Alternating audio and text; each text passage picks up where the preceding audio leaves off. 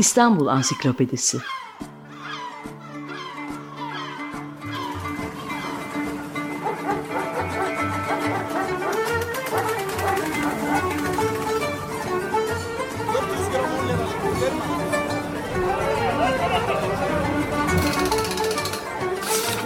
İnsanlar, olaylar, mekanlar, gelenekler ve ihtiyaçlar üzerinden şehrin tarihinden sayfalar.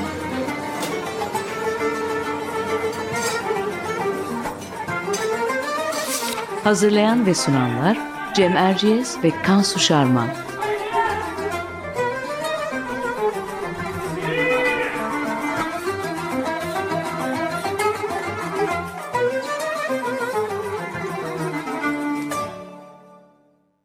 Merhabalar ben Cem Erciyes. Açık Radyo'da Kansu Şarman'la birlikte hazırladığımız İstanbul Ansiklopedisi'nin dördüncü programındayız. Bu hafta konumuz İstanbul'un ilk fotoğrafçıları.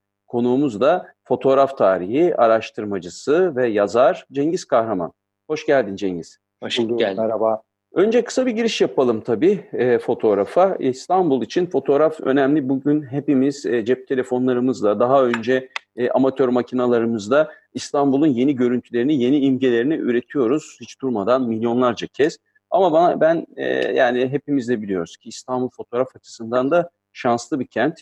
E, geçmişiyle ilgili o çok sevdiğimiz siyah beyaz fotoğraflardan çok sayıda var. Çünkü e, bakacak olursak şimdi özetleyeceğim tarihte de göreceğiz. İlk zamanlardan itibaren yani fotoğrafın icadından e, hemen sonra İstanbul'un fotoğrafları çekilmeye başlanmış. Fotoğrafın icat edildiği tarih olarak kabul edilen 1839. Hemen bir yıl sonra 1840'da İzmir'e ulaşan Frederick Goppel Fesque'nin fotoğraflar çektiği biliniyor ki kimilerine göre bu e, fotoğraflarda Anadolu'nun ilk fotoğrafları sayılıyor. Osmanlı Darphanesi'nde baş hakkak olarak görev yapan İngiliz James Robertson'ı hatırlıyoruz.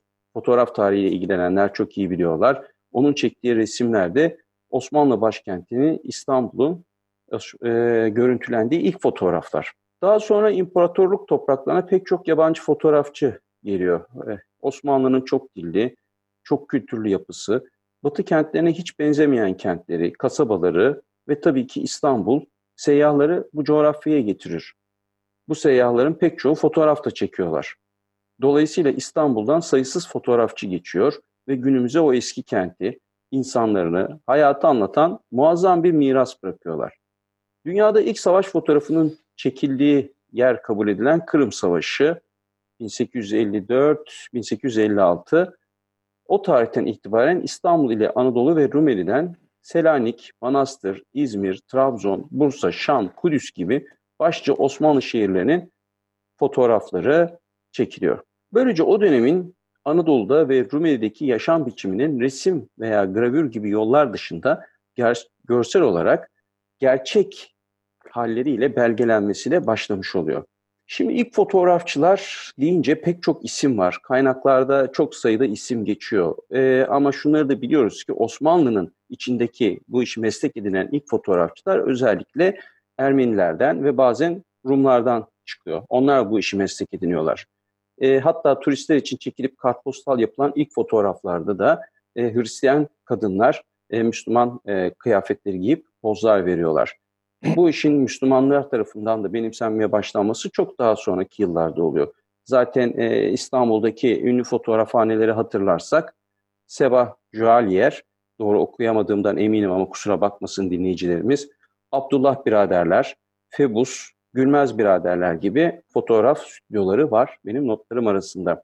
Sonra neler oluyor Kansu? Biraz da sen devam et. Ben her şeyi anlatıp bitirmiş olmayayım. Evet ben de Cengiz'e de bir şeyler anlatacak bir şeyler bırakıp hemen Kalsın, evet. kısacık e, şey yapayım. Sonrasında 2. Abdülhamit dönemi var. E, Sultan Abdülhamit fotoğrafa çok meraklı bir padişah. Onun döneminde Osmanlı coğrafyasının tümü neredeyse tümü fotoğraflanmış. E, imparatorluk sınırları içindeki şehirler, şehirlerde camilerin, medreselerin, kiliselerin, kültür ve tabiat varlıklarının, e, sanayi tesislerinin, askeri binaların fotoğrafları çekiliyor. Fotoğraflarını çektiriyor Sultan Abdülhamit. E, hatta bu fotoğraflarla hazırlattığı albümlerin bir kopyasını da e, ülkenin tanıtımı için Amerika Birleşik Devletleri'ne hediye ettiğini biliyoruz. Albümlerin bir kısmı, e, bir kısmının şu anda Amerika Birleşik Devletleri'nde Kongre Kütüphanesi arşivinde olduğunu da hatırlatalım. çekilen bu fotoğraflarla e, geniş imparatorluğu tanıyıp yönetmeye çalışan Abdülhamit bu sayede geride büyük bir arşiv de bırakıyor. E, Yıldız Sarayı fotoğraf albümlerinin bir kısmını e, İstanbul Üniversitesi kullanımı açmıştı. E, meraklı olanlar bunları internetten de görebiliyorlar. Ayrıca yine bu dönemde saray fotoğrafçıları hanedan üyelerinin fotoğraflarını çekiyor. E, fotoğraf teknolojisinin de gelişmesiyle Osmanlı topraklarındaki tüm gelişmeler, siyasi olaylar, önemli kişiler hakkında fotoğraflar çekiliyor. Sultan Abdülhamit döneminden sonra e, basın fotoğrafçılığı tabii yavaş yavaş işin, işin içine giriyor. E, hatta e, savaş fotoğrafçılığı anlamında düşünürsek Birinci Dünya Savaşı döneminde Harbiye Nezaretli e, propaganda amaçlı fotoğraf albümleri de yayınlanıyor. E, giriş bölümünü Cumhuriyet dönemiyle tamamlayalım. E, fotoğrafa olan büyük merak Cumhuriyet'in ilanından sonra da devam ediyor ve e, Türkiye Cumhuriyeti yapılan devrim ve yenilikleri fotoğraflarla tanıtıyor.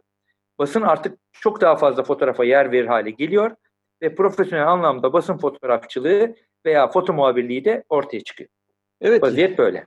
Bence epey bir özetledik. Artık Cengiz Kahraman'a e, sözü bırakabiliriz. Peki Cengiz biz önce yabancılar gelip Osmanlı ülkesini fotoğraflıyor diye anlattık. E, daha sonra kimler fotoğrafçılık yapıyor? Yani bu ilk seyyahlardan, ilk böyle konuklardan diyelim bu topraklara misafir gelenlerden sonra ve daha kalıcı e, fotoğrafçılık yani fotoğraf stüdyolarının açılması nasıl oluyor? İstersen sen de oradan devam et. Sizin de bahsettiğiniz gibi e, gezginlerin e, Osmanlı coğrafyasında fotoğraf çekmeye başlamaları fotoğrafın hemen e, bulunmasından kısa bir süre sonra oluyor ve İstanbul'a gelip fotoğraf çeken bazı profesyonel olduğunu düşündüğümüz yani bu işten para kazandığını düşündüğümüz fotoğrafçılar geliyor ve tabii ki bu işten para kazanmak amacıyla geliyorlar. Yani e, hem e, buradaki e, insanların e, fotoğraflarını e, çekip onlardan para kazanmak amacıyla geliyorlar hem de çektikleri fotoğrafı e, özellikle Batı coğrafyasında e, satmayı amaçlayarak e, bu gezileri yapıyorlar. E, bir süre sonra e, sizin de bahsettiğiniz gibi e, fotoğraf e, stüdyoları açılmaya başlanıyor. E, özellikle İstanbul'da e, azınlık olarak tabir edebileceğimiz e, işte Ermeni, Rum asıllı e, fotoğraf meraklılarının veya bu işi ticari bir faaliyet olarak e, devam ettirmeyi düşünen insanların e, bu işe başladığını görüyoruz. E, dolayısıyla da yani 1860'lardan sonra e, fotoğraf çektirmek amacıyla stüdyolara e, giden e, nadir e, insanlar olduğunu düşünebiliriz. Ama fotoğraf çektirmenin yaygınlaşması e, bir 20 sene falan e, sonra e, artıyor, hızı artıyor. Dolayısıyla da 1880'lerden sonra e, daha fazla talep olduğunu düşünebiliriz. Sadece e, bu e, fotoğraf e, çektirmek amacıyla e, stüdyoya giden gidenleri e, düşünmemiz e, çok mantıklı gelmiyor. Çünkü bu e, çok yaygın bir ticari faaliyet olarak e, bir getiri getirmiyor. Dolayısıyla da e, bu e, fotoğrafhanelerin, fotoğraf stüdyolarının e, başka alanlarda da e, bu işten para kazanmayı düşünmeye başladığı dönem başlıyor. E, dolayısıyla da özellikle yabancılara, turistlere veya işte e, yurt dışına e, İstanbul'un bir takım fotoğraflarını, manzaralarını çekip servis etmeye, satmaya başlıyorlar. Bunlar tabii ki arz talep meselesiyle düşünebiliriz. Yani e, müşteri daha oryantalist bir bakış açısıyla çekilmiş ürünler istiyor. Dolayısıyla da e, özellikle e, İstanbul'un diğer e, başka Bursa, İzmir, Edirne gibi şehirlerin e, fotoğrafları bu bakış açısıyla e, fotoğraflanmaya başlanıyor. Dolayısıyla e, stüdyoda çekilen fotoğraflarda da e, kullanılan modeller e, buna uygun olarak e, giydiriliyor ve e, çoğunlukla da e, üretilmiş, tasarlanmış e, zihinsel olarak e, senaryosu daha önceden yazılmış e, bir takım e, fotoğraflar e, üretiliyor. Yani bu ilk dönem fotoğrafların aslında e, İstanbul'un e, gerçekliğini ya da sokaklarını yansıtmadığını ama daha çok İstanbul hakkındaki e, imajı tekrar çoğalttığını anlıyorum söylediklerinden.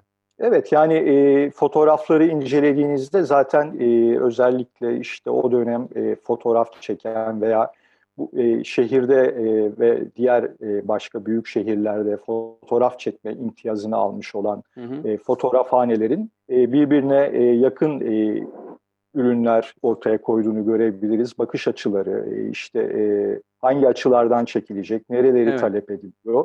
E, o yüzden de e, bu erken dönem e, üretilmiş fotoğraflarda e, benzer imgeleri, benzer bakış açılarını, hatta yani e, şeyi bile düşünebiliriz ya işte e, hani makinenin ko nereye konulacağını e, bile birbirlerine bakarak belki tespit ediyorlar.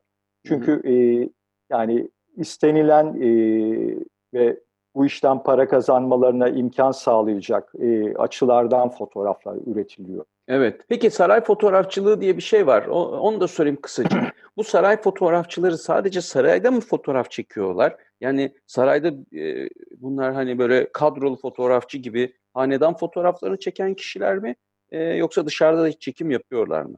Bu bir imtiyaz. Demin de bahsettiğimiz gibi e, saray fotoğrafçısı e, olarak çalışan e, fotoğrafhaneler diğer e, meslektaşlarından her zaman bir adım önde. E, şehirde e, çek fot, fotoğraf çekmek için e, izin alma kolaylıkları var. Hmm, evet. Artı e, bu onlara bir prestij de getiriyor.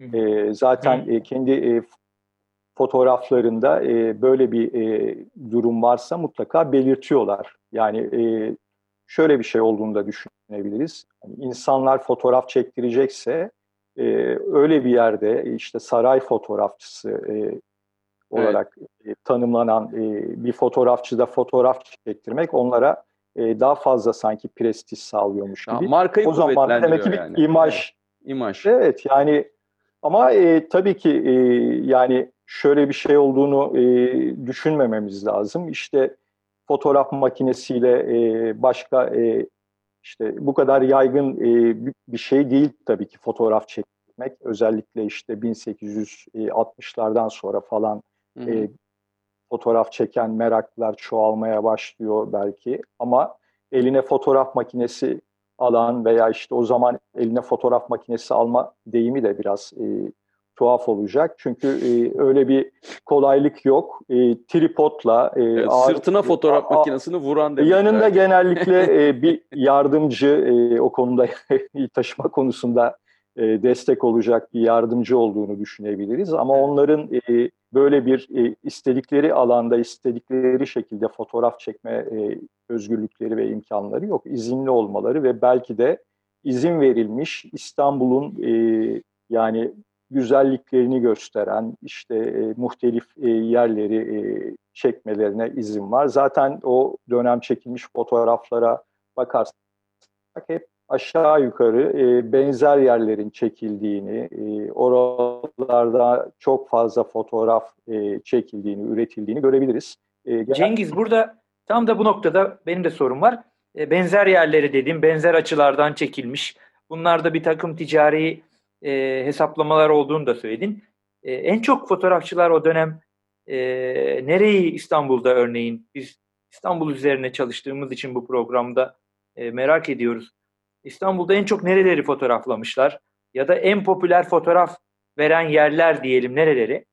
Yani e, şöyle düşünebilirsin. Boğaz, Boğaz'ın muhtelif semtleri işte Bebek, Kandilli e, gibi aklınıza gelebilecek Boğaz'daki e, çeşitli semtleri e, düşünebiliriz ama genel köyler o, diyelim. O, o zaman için köyler de diyebiliriz tabii ki. E, günümüzde e, artık e, köy olarak tanımlayamayacağız tabii ki. O yüzden kafa karışıklığı evet yaratmamak için e, öyle diyelim istersen.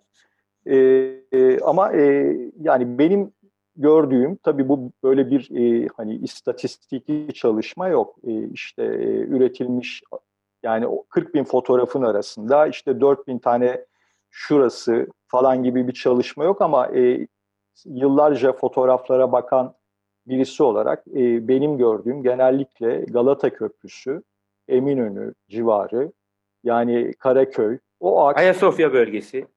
Ayasofya, Sultanahmet tabii ki e, yani dediğim gibi e, taleple de ilgili bunlar. Yani satmak amacıyla e, bu fotoğraflar e, çekiliyor. Yani e, şey gibi düşünme. Ya biz bu fotoğrafları e, çekelim, e, bir belge olarak e, geleceğe e, bir şeyler bırakalım gibi bir niyetle çekilmiş şeyler değil. Ticari bir faaliyet olarak e, bu özellikle şehir fotoğrafları çekiliyor. E, dolayısıyla da e, hani genellikle de e, bazı e, mekanların, semtlerin, e, senin tabirinle köylerin e, çok fazla e, fotoğrafını göremeyiz.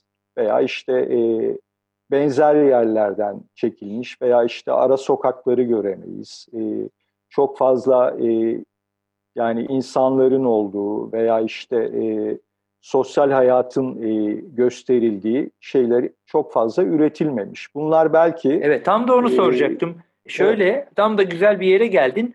Hani seninle beraber çalıştığımız zaman da Atlas tarihi içinde yazdığı için Cengiz Kahraman buradan dinleyicilerimize onu da e, hatırlatalım. Seninle beraber çalıştığımızda fotoğraflar arasında günlük yaşam koşullarını gösteren fotoğraflar çok az. Hatta daha da enteresanı fotoğrafların çoğunda kadın görmek örneğin çok ekstrem bir olay. Yani çok nadiren karşılaştığımız bir şey. E, ne zamandan itibaren günlük yaşam daha fotoğraflanır oluyor, kadınlar daha görünür hale geliyor örneğin yaşamın içinde? Bence bu ikinci meşrutiyetin getirdiği e, o özgürlük ortamı sonrası olan bir şey. Ama e, hani kadınların e, çok fazla fotoğraf çektirmesi veya işte e, stüdyoya gidip fotoğraflar e, rahatlıkla çektirmeleri falan bence e, hani bir 10 yılda falan daha bekliyor. 1920'lerden sonra düşünebiliriz. Evet. diye tahmin ediyorum. Tabii ki e, hani bu foto özellikle stüdyolara gidip fotoğraf çektirenlerin e, ayrıcalıklı bir kesim olduğunu, e, büyük bir bölümünün de yani Osmanlı coğrafyasında yaşayan e, Hristiyanlar olduğunu düşünebiliriz. İlk Müslüman kadınlarının belki e, fotoğraf çektirmesini ne zamandan itibaren fotoğraf çektiriyor diye sorabiliriz. Onlar da e, daha çok bürokrat veya işte e, devlet kademesinde yer alan veya işte daha e, yüksek eğitimli, daha e, kaymak tabakadan e, olan insanların arasında e, böyle fotoğraflar çektirenler var. Yani e, fotoğrafın e, yaygınlaşması aslında e, 1920'lerden sonra e, başlıyor. Yani özellikle e, şeylerin de e, Cumhuriyet sonrası e, gazete ve dergilerin de fotoğraf evet. kullanmaya başlamasıyla yani bu işe meraklılar e, fotoğraf çektirip gazete ve dergilere yayınlanması için göndermeye başlıyor.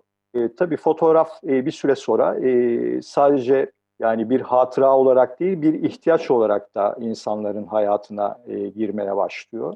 Cengiz, evet. e, yani Cumhuriyet döneminden bahsetmeye başladım. Belki oraya sıçrayabiliriz. E, Kansu da müsaade ederse bir kartpostallar bahsine de değinecektik ama vakti de değerli kullanmak için. Evet evet senin, tabii tabii. E, senin çünkü e, çalışma alanın da özellikle basın fotoğrafçılığı ve e, Cumhuriyet dönemi dediğimiz zaman da yani e, hem stüdyoda hem basın fotoğrafçılığında bir e, yeni bir dönem yani bir çoğalma görüyoruz. Şimdi az önce de söylediğin gibi. Bu dönemde e, bu dönemin öncü isimleri kimler? Bu insanları ne kadar tanıyoruz? Biraz bize onlardan bahseder misin? Onları da analım bu programda. Tabii şimdi e, basın fotoğrafçılığı veya foto muhabirliği e, dediğimiz şey e, kadrolu olarak bu işten para kazanarak e, bir gazete veya dergide çalışıyor olmayı gerektiriyor. E, dolayısıyla bir de e, biraz önce e, bahsettiğimiz e, fotoğraf stüdyolarının e, para kazandığı bir diğer alanda bu basına yani yurt dışına da e, fotoğraf servis ediyorlar. Buradaki e, basına da fotoğraf servis ediyorlar. Dolayısıyla e, yani bugüne kadar bilinen e, Ferit İbrahim ilk e, İktam gazetesinde 1914'te e, kadrolu olarak çalışmaya başlıyor ve zaten e, 001 numaralı ilk foto muhabiri kimliğini alıyor. Ama Aynen. öncesine baktığımızda e, haklarında çok fazla bilgi sahibi olamadığımız e, bazı e, fotoğrafçıların veya foto muhabirlerinin olduğunu görüyoruz. Örneğin resimli kitapta ismine sıklıkla rastladığımız e, Kenan Bey var. E, onun da bir foto muhabiri olduğunu düşünebiliriz. Hatta Ferit İbrahim anılarında e, kendisiyle yapılmış bir söyleşide Kenan Bey'den bahsediyor. Daha, e, yani orada fotoğraf çekmeye başladığında resimli kitap ve e, diğer birkaç bir, dergi bir de bir Kenan da, Bey varmış yani evet. Evet yani e, hakkında henüz e, çok fazla e, bilgi sahibi olamadığımız ama e, o e, dönemin dergilerini karıştırırken e, isimli ismini gören e, meraklıların olduğu bir Kenan Bey var. Ama e, bu özellikle e, aksi söylenmediği müddetçe Ferit İbrahim'in e, ilk e, yani bir gazetede çalışıp bu işten para kazanan olduğunu. ilk foto muhabiri olduğunu kabul edebiliriz. E, zaten e, Ferit İbrahim bu işi e, yıllarca devam ettiriyor. E, sonra e, yani Cumhuriyet'in ilanından sonra ise bir kuşak geliyor. Yani işte Namık Görgüç, Faik Şeh, Hilmi Şahenk, Ali Ersan, Cemal Işıksel, Cemal Göral, Selahattin Giz gibi e, isimlerin e, hı hı. olduğu bir foto muhabiri kuşağı geliyor. Ve e, onlar e, bu işi e, çok nitelikli bir şekilde yapıyorlar ve sadece kendi çalıştıkları gazeteler de değil, e, dönemin e, dergilerine de e, fotoğraf çektiklerini veya servis yaptıklarını görüyoruz. Yani e, özellikle o dönem üretilmiş ve bugün bizim bakıp keyif aldığımız hı hı. fotoğrafların büyük bir çoğunluğunu bu, bu 8-9 kişi çekiyor. Evet. Peki foto muhabiri dedin tabii e, bu programda onu da anmamak olmaz. Ara Güler de e, kendisini hep bir foto muhabiri olarak e, tanımladı. E, Çünkü tabii, foto muhabiri zaten. Evet foto muhabiri e, biz onu her ne kadar büyük bir sanatçı e, olarak e, daha çok tanımladık, bildik, öyle yaygınlaştı. Ama dediğin gibi Ara Güler aslında İstanbul'un modernleşmesinden hemen önce pek çok e, güzel fotoğraf çekip bugüne bıraktı. Hatta birazcık da bizim Cem şöyle o... bir şey söyleyebilirim. Aragüler foto muhabiri olmasaydı evet. E, bugün bizim keyifle baktığımız e, çoğu resimler. fotoğrafı çekemezdi. Evet. Yani fotoğrafçı dediğinle foto muhabiri dediğin arasındaki fark e, çok belirgin burada. Aragüler gerçekten e, 50'li yıllardan itibaren çektiği fotoğraflar çoğu incelendiğinde e,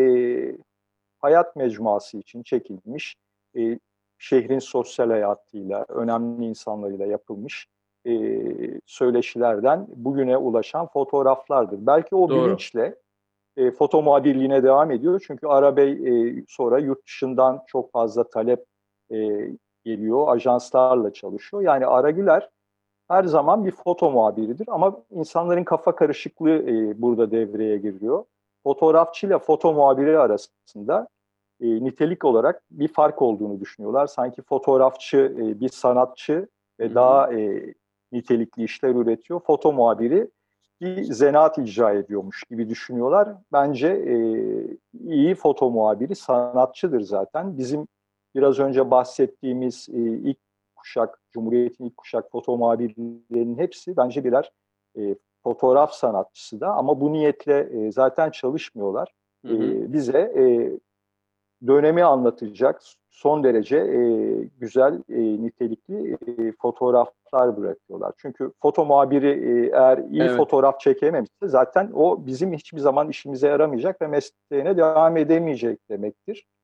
Dolayısıyla e, Aragüler e, foto muhabiri olduğunu her zaman altını çizerek söyledi. Bu da bence e, hani bir açık gönüllü ben fotoğraf sanatçısı değilim demek değil. Hı hı. E, foto muhabirliğinin ne kadar önemli olduğunu Tabii tabii doğru söylüyorsun. O, o her zaman foto muhabirliğini gururla taşıdı ve bunun altını çizdi ve buna işaret etmek istedi. E, senin bunu e, söylemen e, gayet güzel oldu, doğru oldu. Aragüler'i de andık. Yavaştan programı da kapatmak lazım tabii Cengiz Kahraman. E, sana bir çok teşekkür ediyoruz e, katıldığın için. Daha kim bilir konuşacak neler var. E, ama konuşmak yerine biz Açık Radyo dinleyicilerini senin en son açtığın sergiye davet ederek sözümüzü tamamlayalım. 10 Kasım'da açtınız İstanbul Büyükşehir Belediyesi'nin Taksim'deki sergi salonunda. Cengiz Kahraman'ın küratörlüğünde hazırlanan Atatürk sergisi var. E, burada da Kahraman'ın e, kendi arşivinden e, aynı zamanda muazzam bir e, fotoğraf arşivcisi e, bir kısmı e, İstanbullu sanatseverlerle, fotoğraf meraklarıyla, Atatürk'ü merak eden ve sevenlerle buluşuyor diyerek ben e, sözümü Cem sözümü o, orada bir e, ek yapabilir miyim? Yapabilirsin. Tabii tabii. Bu e, bahsettiğimiz sergi Atatürk fotoğraflarının hikayesi. İstanbul Büyükşehir Belediyesi e, Kültür e, AŞ tarafından e, üretilen bir kitabın sergisi. Demin bahsettiğimiz foto muhabirlerinin çektiği Atatürk fotoğraflarının hikayesi. 18 Harika. fotoğrafçı ve foto muhabirinin e, çektiği işlerden e, fotoğraflar var. Dolayısıyla e, yine e, bu e, 18 e, kişiyi, e, sergiyi gezenler kısa da olsa e, kimlikleri hakkında bilgi sahibi olacaklar ve e, bugün hiçbirisi hayatta olmayan bu basın emekçilerini e, anmış olacaklar. Peki, çok teşekkürler. Peki. Kansu söz sende. Evet, şimdi e, programın bu bölümünde e, alfabetik olarak gideceğimiz İstanbul Ansiklopedisi maddemiz var. D harfinden devam ediyoruz. D harfinden maddemiz dayı yürüyüşü. E, Reşat Ekrem Koçu hocamız ne yazmış İstanbul Ansiklopedisi'nde bu madde için oradan okuyalım. Dayı revişi veya yürüyüşü Osmanlı İmparatorluğu'nda Garp Ocakları diye anılan Şimali Afrika'da Akdeniz kıyısı boyunda Trablusgar, Tunus ve Cezayir eyaletlerinde yerleşmiş ve hepsi Anadolu ve Rumeli Türklerinden olup geçen asra kadar da aralarında Türkçe konuşa gelmişler. Büyük İmparatorluğun deniz akıncıları olan korsan gemicilere yiğit anlamında dayı denilirdi. İstanbul'da da tersaneli şehbazlara, Yeniçerilere halk aynı anlamda dayı diye hitap ederdi. Pazısına, pençesine, bıçağına güvenip vuruculuk, kırıcılık, yiğitlik taslayanlara, muhitlerini haraca kesme yollarına sapanlara da bu isme nispetle ve tehsil yollu kabadayı denile gelmiştir. İstanbul halkı ağzında salına salına, kol sallayarak, topuk vurarak, alımlı çalımlı yürüyüşe de dayı revişi, dayı reftarı, dayı yürüyüşü demiş. İstanbul'un ayak takımı gençleri, Yeniçeriler, Tersaneliler vesaire asker ocaklarına mensup delikanlılar arasında dayı yürüyüşü 18. asırda ve bilhassa 19. asrın ilk yarısında Yeniçeri zorbalığının İstanbul'u kasıp kavurduğu devirde de pek revaçtaydı. Evet maddemiz böyle. Programımız da burada sona eriyor. Cengiz Kahraman'a çok teşekkür ediyoruz. Haftaya yeni bir konu ve ansiklopediden E maddesiyle programa devam edeceğiz. Hoşçakalın. Hoşça İstanbul Ansiklopedisi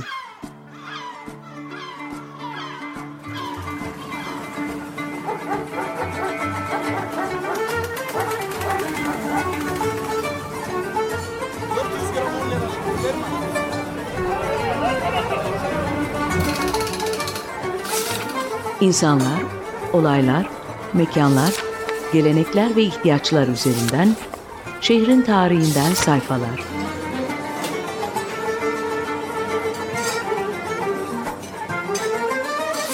Hazırlayan ve sunanlar Cem Erciyes ve Kansu Şarman.